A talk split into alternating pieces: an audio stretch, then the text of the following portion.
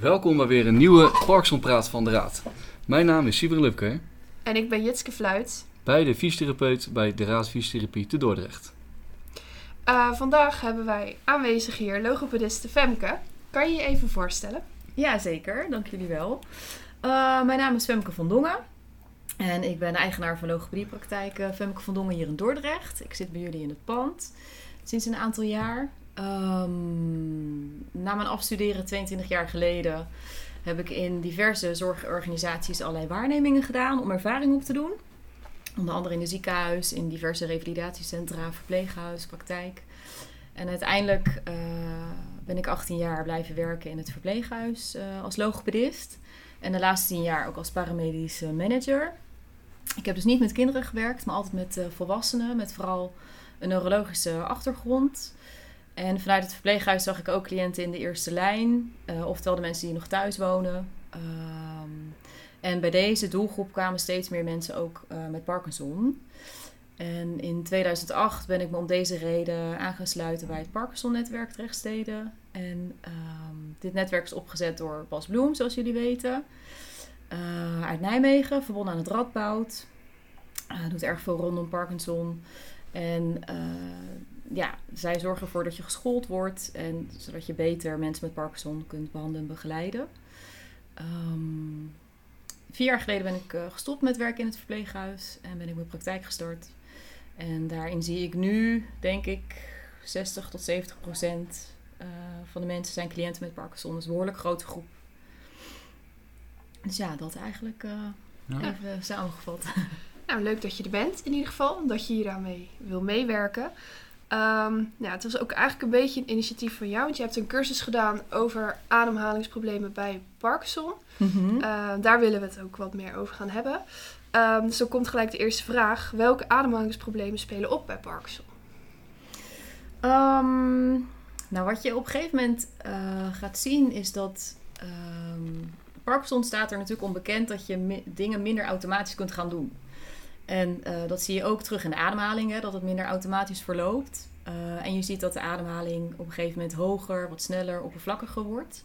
Dus vooral in die borst, hè, weinig in die buik. Ehm, en dit heeft invloed op de kwaliteit van het spreken, want ja, we spreken nu helemaal op een uitademing. Maar ook bijvoorbeeld op de kwaliteit van het hoesten. En hoesten is natuurlijk weer een hele belangrijke beschermingsfunctie voor je luchtwegen. Ehm, dus het heeft ja, best wel heel veel invloed eh, op heel veel dingen. Ehm,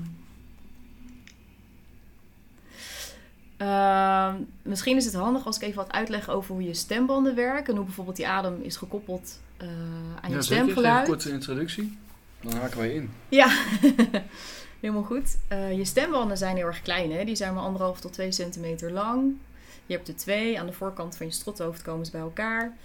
Ehm, door de langstromende lucht vanuit je luchtwegen, wat omhoog komt, worden je stembanden in trilling gebracht. Dus dat houdt in dat ze tegen elkaar aanklapperen en daardoor krijg je stemgeluid. En eh, je moet dus wel een krachtige luchtstroom hebben om ze goed tegen elkaar aan te laten sluiten.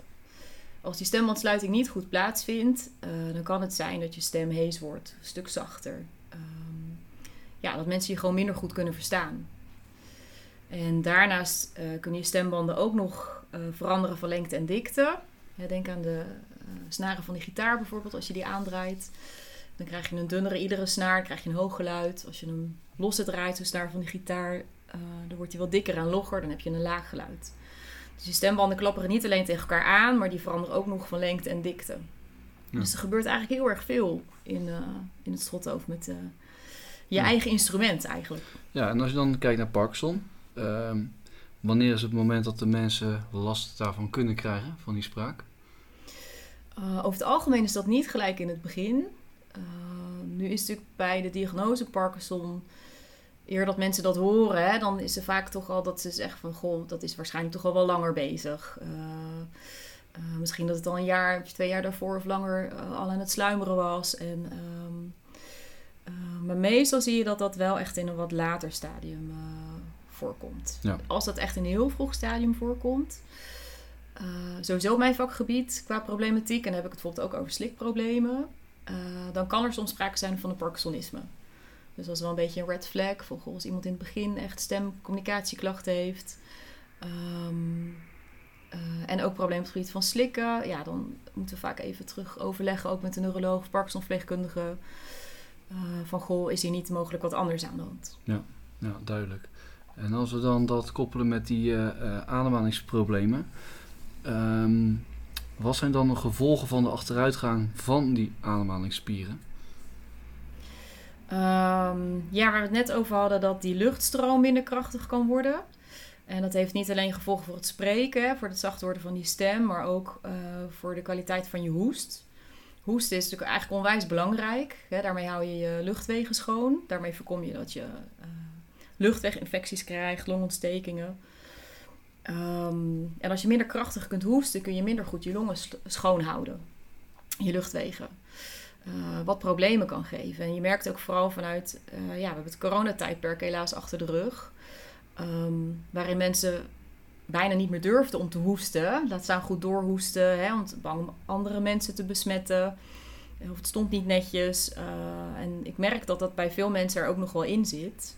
Dus die zijn heel erg behouden in het goed doorhoesten. Terwijl dat eigenlijk heel erg belangrijk is. Dus ook om ja, andere fysieke klachten te voorkomen, is dat ook uh, ja. gewoon heel erg belangrijk. Ja. En zijn er verder ja. andere gevolgen als die ademhalingsspieren aangedaan zijn? Um, ja, het kan uiteindelijk ook wel wat invloed hebben op, op het slapen, uh, op je conditie. Um, ja, dat echt... komt natuurlijk overal eigenlijk wel een beetje op terug, of in terug. Ja, en bij het slapen, wat, wat, wat, wat is dan uh, iets wat zou kunnen gebeuren? Um, ja, wat je ook wel terugziet is dat mensen wat gevoeliger zijn ook wel voor slaapapneu. Ja. ja dat horen we toch ook wel steeds meer terug. Uh, ik weet niet of dat bij jullie ook zo is, maar dat je het ook wel ja. steeds meer terug hoort. Ja, um, uh, ja je, s'nachts heeft je lijf natuurlijk ook, uh, die moet zich herstellen. Um, ja. Nou, ik krijg wel eens bijvoorbeeld wel eens te horen dat mensen hyperventileren. Ja, ja. even hyperventilerend wakker worden in hun slaap of ja. hun slaap. Heeft dat dan ook te maken met die ademhalingsspieren? Of is dat meer dat ze s'nachts bezig zijn met een spanning of iets dergelijks? Ja, die heb ik zelf nog niet zo heel veel gehoord, echt bij het wakker worden. Um, ja, ik kan me voorstellen dat. Uh, uh, weet ik hem even niet zo goed. ja, nou ja, dat zijn wel dingen wat je natuurlijk wel eens hoort. Ik vind het ook moeilijk te plaatsen. Ik ja. Waar komt er nou vandaan? Ja, weet ik ook dat mensen best wel ook wat stress ervaren. En misschien dat daar ook een onderliggende oorzaak is. Maar... Ja, je hoort natuurlijk bij Parkinson ook wel dat natuurlijk de remslaap anders verloopt. Dat mensen meer dingen natuurlijk ook gaan uitbeelden tijdens de remslaap. Ja. Daar onrustiger door slapen. Ja. Dus dat, um, ja, en als je, ja, de saturatie misschien ook wisselt, je zuurstofgehalte in je bloed. Ja. Ja. Uh, nou, je had het natuurlijk ook over uh, stembanden, stemkwaliteit en hoe belangrijk dat is. Uh, in welke mate kan logopedie helpen bij het verminderen, of als die stemkwaliteit zeg maar vermindert? -hmm. Ja, wat we oefenen tijdens de logopedie is vooral het spreken met een luidere en een lagere stem. Um, hè, als je luider spreekt, maak je luchtstroom sterker. En met een lagere stem laat je stembanden beter sluiten, waar we het net over hadden. Um, we beginnen dan met dit te oefenen op klankniveau en een woordniveau, uh, zinsniveau, tekstniveau. En uiteindelijk moeten mensen dit toe gaan passen tijdens het uh, spontaan spreken. Um, blijft natuurlijk altijd wel een dubbeltaak. Ja, we weten Parkinson, de dubbeltaken zijn niet elkaars beste vrienden. Dus dat vraagt echt wel wat. Mensen kunnen dat ook niet 24-7 uh, toepassen. Maar um, het is in ieder geval belangrijk dat als het op dat moment niet gaat, dat ze in ieder geval weten wat ze kunnen doen. En dat ze het dan toe kunnen passen. En dan hoop je dat het een beetje eigen gaat worden. En uh, ja. ja. dus dat is eigenlijk vooral de techniek die we doen. Luid en laag. Ja. Ja. Ja, ja wij passen natuurlijk inderdaad de stemtechniek ook toe bij de therapie door hard te tellen. Ja, uh, wat, wat we ook laatst in de cursus terug horen is probeer vaak de partners erbij te betrekken. En iedereen in je ja, omgeving te zeker. activeren. Zeggen van joh, praat ik laag, uh, geef me een seintje, geef me een duwtje. Ja. En activeer het. Nou, dan zal je ook denk ik op inhaken met uh, het logopedie. Ja, ik zie eigenlijk bijna alle partners wel, uh, die nodigen in ieder geval altijd uit. Vaak komen ze ook uh, vanzelf ook al wel mee. En ik zeg altijd maar, ja, de partners zijn ook een soort co-therapeut voor ons. En vooral als je kijkt naar communicatie, is dat ja, met een partner vindt dat vooral de hele dag door plaats. dat die communicatie hen plaatsvindt. Dus kunnen zij daar heel goed in ondersteunen. En af en toe even een aanwijzing geven. En um, wat je bijvoorbeeld ook wel ziet bij mensen met Parkinson, is dat de mond wat vaker open is. dus die motoriek van die lipspieren die wordt uh, wat slapper. Uh, mensen gaan door de mond ademen. We hadden het natuurlijk net over het ademen. Uh, ja, um, dat is gewoon minder goed voor je lijf. Als je door je mond ademt in plaats van door je neus.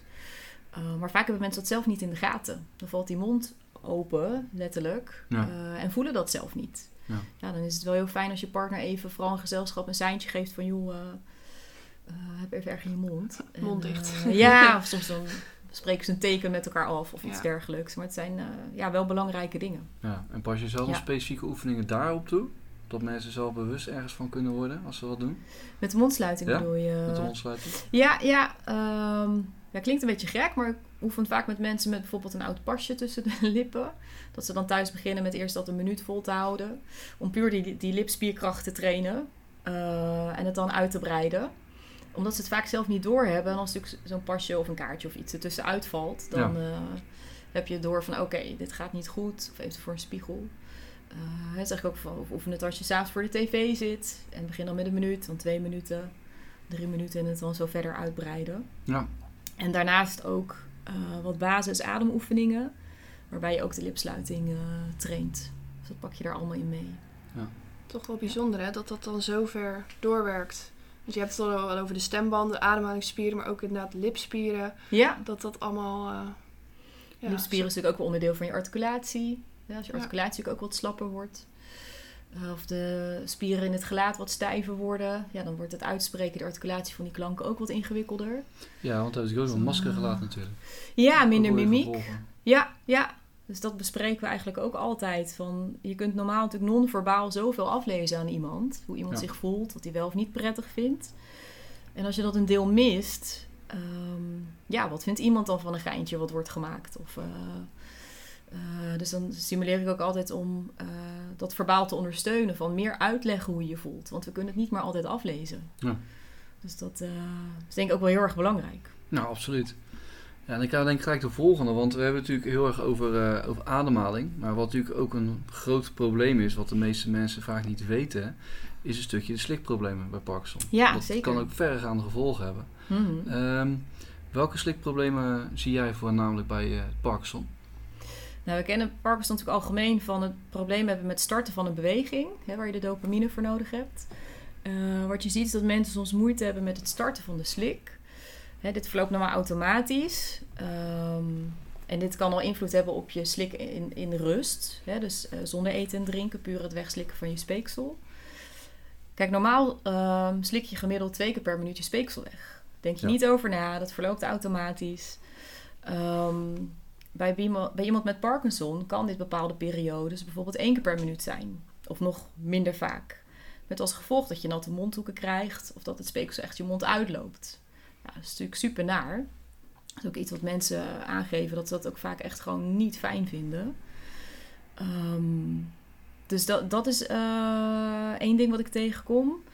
Daardoor doen mensen soms ook lang over de maaltijd. Mensen die ja. vroeger als eerste klaar waren, die zijn nu net als laatste klaar. Um, soms zie je dat mensen zich verslikken. Zie je wel in wat mindere mate. Bij andere aandoeningen kom je dat bijvoorbeeld weer wat meer tegen. Goed, het risico van verslikken is natuurlijk wel dat het um, in je luchtpijp terechtkomt in plaats van in je slokdarm. En dat je daardoor, als je het niet goed kunt ophoesten, dat je daardoor weer die luchtinweginfectie kunt krijgen. Ja. En het is natuurlijk gewoon ook geen fijne ervaring. Nee. En wat verder ook wel kenmerkend is voor Parkinson, is uh, de verminderde bewegelijkheid van de slokdarm. Dat noemen we ook wel de peristaltiek. Sommige mensen denken dat de slokdarm een hele brede buis is, maar het is natuurlijk helemaal niet zo. Die wand die moet echt een beetje je voeding uh, mee naar beneden duwen. Um, en die peristaltiek is vaak verminderd. Zoals je dat natuurlijk ook bij de darmen ziet. We hebben natuurlijk metusdarm. Uh, daarin vindt ook peristaltiek plaats. Daar hebben mensen vaak ook problemen mee. En dat zie je ook bij uh, de slokdarm. Met als gevolg dat ze zeggen, oh, het blijft hangen. Dus dat ze wat meer water daarna moeten drinken, ook om het wat beter te laten zakken. Dus dat zijn eigenlijk een beetje de hoofddingen rondom het slikken, ja. denk ik. Um. Was er nu ook iets met juist meer of minder speekselaanmaak? Zie je dat ook nog? Nou, soms zeggen mensen inderdaad van, goh, ik maak meer speeksel aan. Maar dat probeer ik ook altijd uit te leggen van... eh, je maakt niet meer speeksel aan, maar je slikt minder vaak. Dus je hebt meer water, meer speeksel in je mond. En dat Hm. ervaar je dan als eh, meer speeksel. Ja. Terwijl je dat juist niet eh, meer aanmaakt, maar minder wegslikt. Dus ja, dat Ja. zit dan in de weg. En daarnaast hebben we ook heel veel medicijnen, ook als bijwerking, een droge mond juist. Dus soms werkt dat in het voordeel. En eh, soms niet. Dus dat, eh, ja. Ja, en toch Ja. hoor je het veel, het verslikken ook. In ieder geval, dat hoor ik Ja, veel op, de, ja. op de, de werkvloer van de mensen. En natuurlijk ook eh, de groep, de Parkinson groep. Mhm. En ja, we maken er wel eens een lolletje over, maar we drinken altijd met z'n allen wat achteraf. Ja, Nou ja, ja. er zijn er x aantal die zich verslikken tijdens eh, Ja, ja. het drinken. Ja. het. Ja, vooral als je dan ook... eh, slikken vergt echt wel veel concentratie ook. En zodra je een beetje bent afgeleid, gaat Ja. praten met andere mensen... niet goed rechtop zit... ehm, wat ik altijd met mensen doe die slikproblemen hebben... is eerst uitleggen hoe verloopt nu dat normale slikproces. Ja. Want er gebeurt echt wel heel veel. Je tong maakt een golvende beweging... Slikreflex, eh, heffing van je strothoofd omhoog en omlaag. Nou, dan moet het nog via je slokdarm naar je maag. Hoe gaat dat nu normaal? Ja. En waar vinden er dan bij de Parkinson die problemen plaats? En wat kun je dan doen om dat te beïnvloeden? Ja. Dus daar komt echt wel veel bij kijken. Ja, en die slikproblemen die kunnen natuurlijk toenemen naarmate de ziekte vordert. Ja, Ehm, wan- wanneer, ja, ik weet niet of ik dat goed zeg, maar wanneer denk je van dit, dit, dit, dit kan wel echt serieus gevaarlijk worden? Ik heb bijvoorbeeld een dame gehad die in een Parkinson zat, die, zou, Mhm. die verdronk bijna in haar eigen water. Ja, ja, ja. Ja, dat is goed afstemmen met eh, de diëtist, met de betreffende arts. Eh, soms laat ik de KNO-arts ook meekijken. Die kunnen dan een slik video eh, maken. Of die kijken met een cameraatje via de neus richting de keel. Dan kunnen ze zien wat er voor en na de slik gebeurt. Want je, moet, ja, je gaat met elkaar beoordelen hoe veilig is dat Ja. slikken nog. Kijk, en als slikken echt heel onveilig wordt en echt een groot risico gaat geven eh, voor de verdere gezondheid van het lichaam, ja, dan moet je soms afstemmen: eh, gaan we over op drinkvoeding? Of moet iemand echt op een gegeven moment eh, richting zondevoeding? Ja. Dat zijn natuurlijk hele grote stappen. Ja, dat, is- dat, En niet iedereen wil dat ook, hè? Dus dat is. iedereen bepaalt erin zijn eigen kwaliteit van leven. Ja. Maar dat zijn wel onderwerpen waar je het met elkaar over gaat hebben. ja, waar je het goed over. eh, ja, ja. En wat voor soort oefeningen of technieken kan je dan eventueel aanbieden om die slik- slikkwaliteit te verbeteren? Ja, wat ik net vertelde was eerst een goed inzicht geven in dat slikproces. Eh, en daarna leer ik ze echt bewust slikken. Hè, dus dat kun je bijvoorbeeld doen door je kies op elkaar te zetten. Duw je tong tegen je gehemelte aan. Probeer dan te slikken. Kin wat naar de borst. Ehm, en dat doet Oefenen. vaak al heel veel.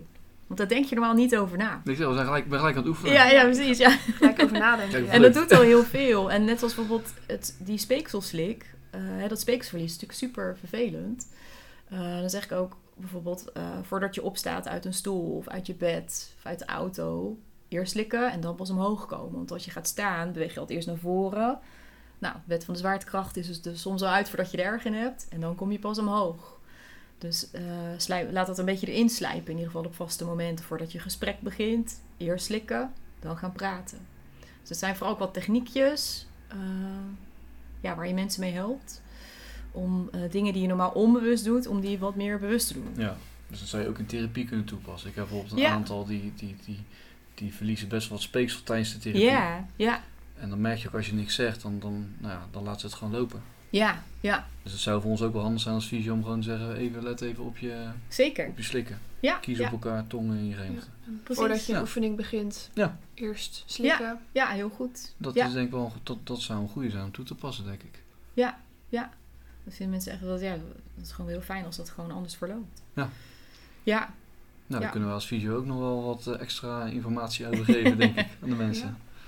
Ja, want je hebt natuurlijk verder niet echt invloed op die slikreflex, denk ik. Dat ja, kan je verder niet echt trainen in die zin. Het is meer trucjes toepassen om het bewust Ja. te maken. Kijk, en stel dat het op een gegeven moment echt heel onbeheersbaar wordt, hè, dat het echt helemaal niet meer gaat. Dan overleggen we ook wel eens met de neuroloog of de revalidatiearts van goh, eh, kan er mogelijk wat botox in een speekselklier gespoten worden. Om op die manier het toch een beetje af te remmen. Ehm, ja, of nog bepaalde andere medicatie die wel eens wordt gegeven, die als hele erge bijwerking heeft, een droge mond. Maar het zijn vaak ook wel heftige medicijnen. Ehm, dus ja, een beetje met de arts verder ook overleggen van goh, wat Ja. kunnen we daar nog eh, verder aan doen. En het verschilt echt heel erg eh, per persoon. Ja. En dan hebben we nog ehm, een stukje natuurlijk het, het voedsel. Heb je nog specifieke adviezen wat betreft voedsel voor de mensen met eten? Ehm, ja, als mensen zich echt, waar we het net over hadden, echt veel verslikken. eh, echt ernstig, echt dagelijks heb ik dan over meerdere keren. Met moeilijk op kunnen hoesten. Dan is het advies van ons kan dan zijn, maak je eten zo zacht mogelijk. zo smeuig mogelijk. eh, vermijd eh, hard vlees, eh taai vlees. Ehm, eventueel drinken wat verdikken met verdikkingsmiddel, verdikkingspoeder. Ja, dat proef je wel. Hè? Dus er staat niet iedereen om te springen. Dus die keuze laat je dan verder bij de mensen van... Goh, wat, wil- ja, wat wilt u hiermee? En wat is het dan voor verdikkingspoeder? Ehm, Een gelatineachtige... ja, dat is een beetje ehm, eh, wat je ook wel vroeger had. Of, of om voor baby's het een beetje in te dikken, de pap, weet je Ja. vroeger. Dus een, eh, ze zeggen dat het een smaakloos eh, poeder is. ehm, waarmee je drinken wat dikker kunt maken. Maar de consistentie, de dikte verandert natuurlijk van Ja. het drinken. En dat voel je in je mond. Ja. En ze zeggen dat het smaakneutraal is. Ik wil het niet helemaal afkraken, maar je proeft natuurlijk toch wel wat. Ja, je- het is Dus wat ik ook wel eens adviseer is neem net wat voedings, eh, wat dranken die wat eh, minder dun zijn. Dus denk Ja. dan bijvoorbeeld aan karnemelk, chocomel, eh, wat dikkere vruchtensappen. Dat is net van het dunne af en dat glijdt dan wat minder snel naar achter. Dan hou je net wat meer controle over ehm, in je mond, zeg maar. En daarnaast hebben mensen soms moeite met het innemen van medicijnen. Ja, als je hoort wat af en toe hoeveel eh, pillen mensen op een dag eh, slikken, Ja. dat zijn er behoorlijk wat. Ja, als je moeite hebt met slikken, kan het natuurlijk wel lastig zijn. Dus dan raad ik vaak aan om dat in te nemen met eh, appelmoes. Of met iets van knijpfruit of zo. Wat je ook weer makkelijk mee kunt nemen voor onderweg. Een zakje knijpfruit en die kun je ook weer afsluiten. Ehm, en niet met yoghurt. Want yoghurt bevat natuurlijk weer veel Ja. eiwitten. En dat gaat met heel veel medicijnen, vooral met eh levodopa, gaat dat niet goed gecombineerd. Dan wordt het minder goed opgenomen door je lichaam. Ehm, dus bij voorkeur dan met iets van fruitmoes. En dan Ja. zie je dat het vaak beter gaat. En je had toch ook die gel, die zwallen? Ja, er is ook een soort slikgel. Ehm, dat kan ook eh, helpen. Ja, daar kun je proefsetjes van aanvragen. Dat is een soort doorzichtige tandpasta, zeg maar. Dan doe je een beetje op een lepel, leg je die pil erop, doe je een beetje eroverheen. En dan ehm, eh, krijgen mensen het op die manier vaak ook wat makkelijker weg. Ja. Ja, dus dat is ook nog een, eh, een middel. Ja, en merk je nu ook, omdat mensen moeten natuurlijk dan, nou ze moeten niks, maar in principe kunnen ze een verdikkingsmiddel gebruiken bij bijvoorbeeld water. Ja, Maar merk je nu ook dat mensen dan eigenlijk minder gaan drinken? Want ik kan ergens voor, voorstellen dat Ja. je denkt van, eh, laat maar even ja achterwege. in water is het echt wel ja, het minst lekker, zeg maar. Ja, Dus bijvoorbeeld bij thee of koffie wordt het dan ook wel gedaan. En eh, je moet ook goed weten hoe je het erin moet doen. Eh, maar bij water. En water is wel het minst gevaarlijk ook. Stel dat je verslikt in water. Water bevat geen suiker en geen Nee. vetten. En dat zijn normaal de stoffen in je luchtwegen die zorgen voor infecties. Nou, water bevat dat niet. Ehm, daarnaast, eh, goede mondhygiëne is daarbij natuurlijk ook wel heel erg belangrijk. Als je heel veel bacteriën in je mond hebt en je verslikt je daarin, met water bijvoorbeeld, ja, kan dat ook voor problemen zorgen. Dus eh, ja, goed de mond reinigen, ook je kunstgebit, blijft ook eh, heel erg belangrijk daarbij. nou ja, dat wordt natuurlijk park, soms moest ik altijd melden bij de tandarts. En wat je zegt natuurlijk, dat, Ja. het, het, het heeft wat meer onderhoud nodig. Zeker. Ja. Ja, ja, ja. Ja, wel interessant zo dit. Ja, dit geeft weer een heel, eh, heel, heel verdieping over eh, wat er nog meer kan bij Parkinson. Ja, nou, goed zo. Met jouw expertise, de logopedie. Ja, ja. Nou, hartstikke leuk. Ik, ik zit even, heb, je, heb jij nog vragen, Jitske? Heb jij nog iets dat je denkt van, hé, hey, Ehm, nou ja, het zit dan gelijk wel na te denken, maar kan je een voorbeeld noemen van een, van een eh, casus die jij dan meemaakt in de praktijk, Mhm. ehm, waar je echt ziet dat iemand zoveel baat heeft bij al die tips en trucs die jij eh, aanreikt? Heb je daar een voorbeeld van? Ja, ik heb nu bijvoorbeeld ik heb een eh, docent, iemand die nog les geeft, voor de klas staat. En eh, daar wel steeds meer tegenop ging zien ook. Waarbij we het luid en laag en rustig spreken, goed toepassen van adempauzes hebben geoefend. En die nu wel echt veel zekerder voor de klas staat. Dus dat is wel, ja, dat zijn wel mooie praktische voorbeelden dan ook. Ehm, ja, mensen die zelfverzekerder worden rondom ademhaling. Dat is natuurlijk ook wel heel erg fijn, want het kan ook best wel veel onzekerheid en angst geven. En als mensen weer op een veilige manier kunnen eten en drinken, ehm, ja, dat doet natuurlijk ook wel heel veel met je kwaliteit van leven. Dus dat eh, als mensen weer wat meer kunnen genieten van eten en drinken. Ja, dus dat zie ik bij diverse mensen ook wel terug met wat kleine tips. Eh, ja, dat doet ook wel heel erg veel. Dus zeker. dat, eh, ja. En hoe ziet zo'n behandelplan episode bij jou eruit? Want ja, wij zien mensen natuurlijk vaak één of twee keer per week en dat voor heel lang. Ja, ja, ja, hoe ziet dat er ja. bij jou uit? Ehm, bij mij komen ze en dan zie ik ze vaak in het begin een aantal weken vrij intensief. Eh, vooral met het luid en laag. Dat wil je het liefst toch eigenlijk wel een paar keer per week oefenen. Maar dat lukt niet altijd. Mensen hebben vaak al een heel druk programma. Eh, maar dan zie ik ze echt een aantal weken achter elkaar. Zeg een week of zes tot acht. Het is maatwerk, hè? dus het pas je per persoon wat aan. En daarna, als het eh, aardig goed gaat, dan blijf ik ze wel monitoren. Dus dan komen mensen bijvoorbeeld één keer per maand, of één keer in de twee maanden, of één keer in de drie maanden. Ja, je hebt toch te maken met een chronische aandoening, dus je moet toch wel vinger aan de pols houden. Dus ehm, ja, dan eh, ja, meestal een beetje zo op die manier. eh, ja. Oké, ja, Ik denk het heel interessant was dit. zeker. Ik vond het zelf ook... eh, Ja, ik zat echt geboeid te luisteren ja ook. zeker.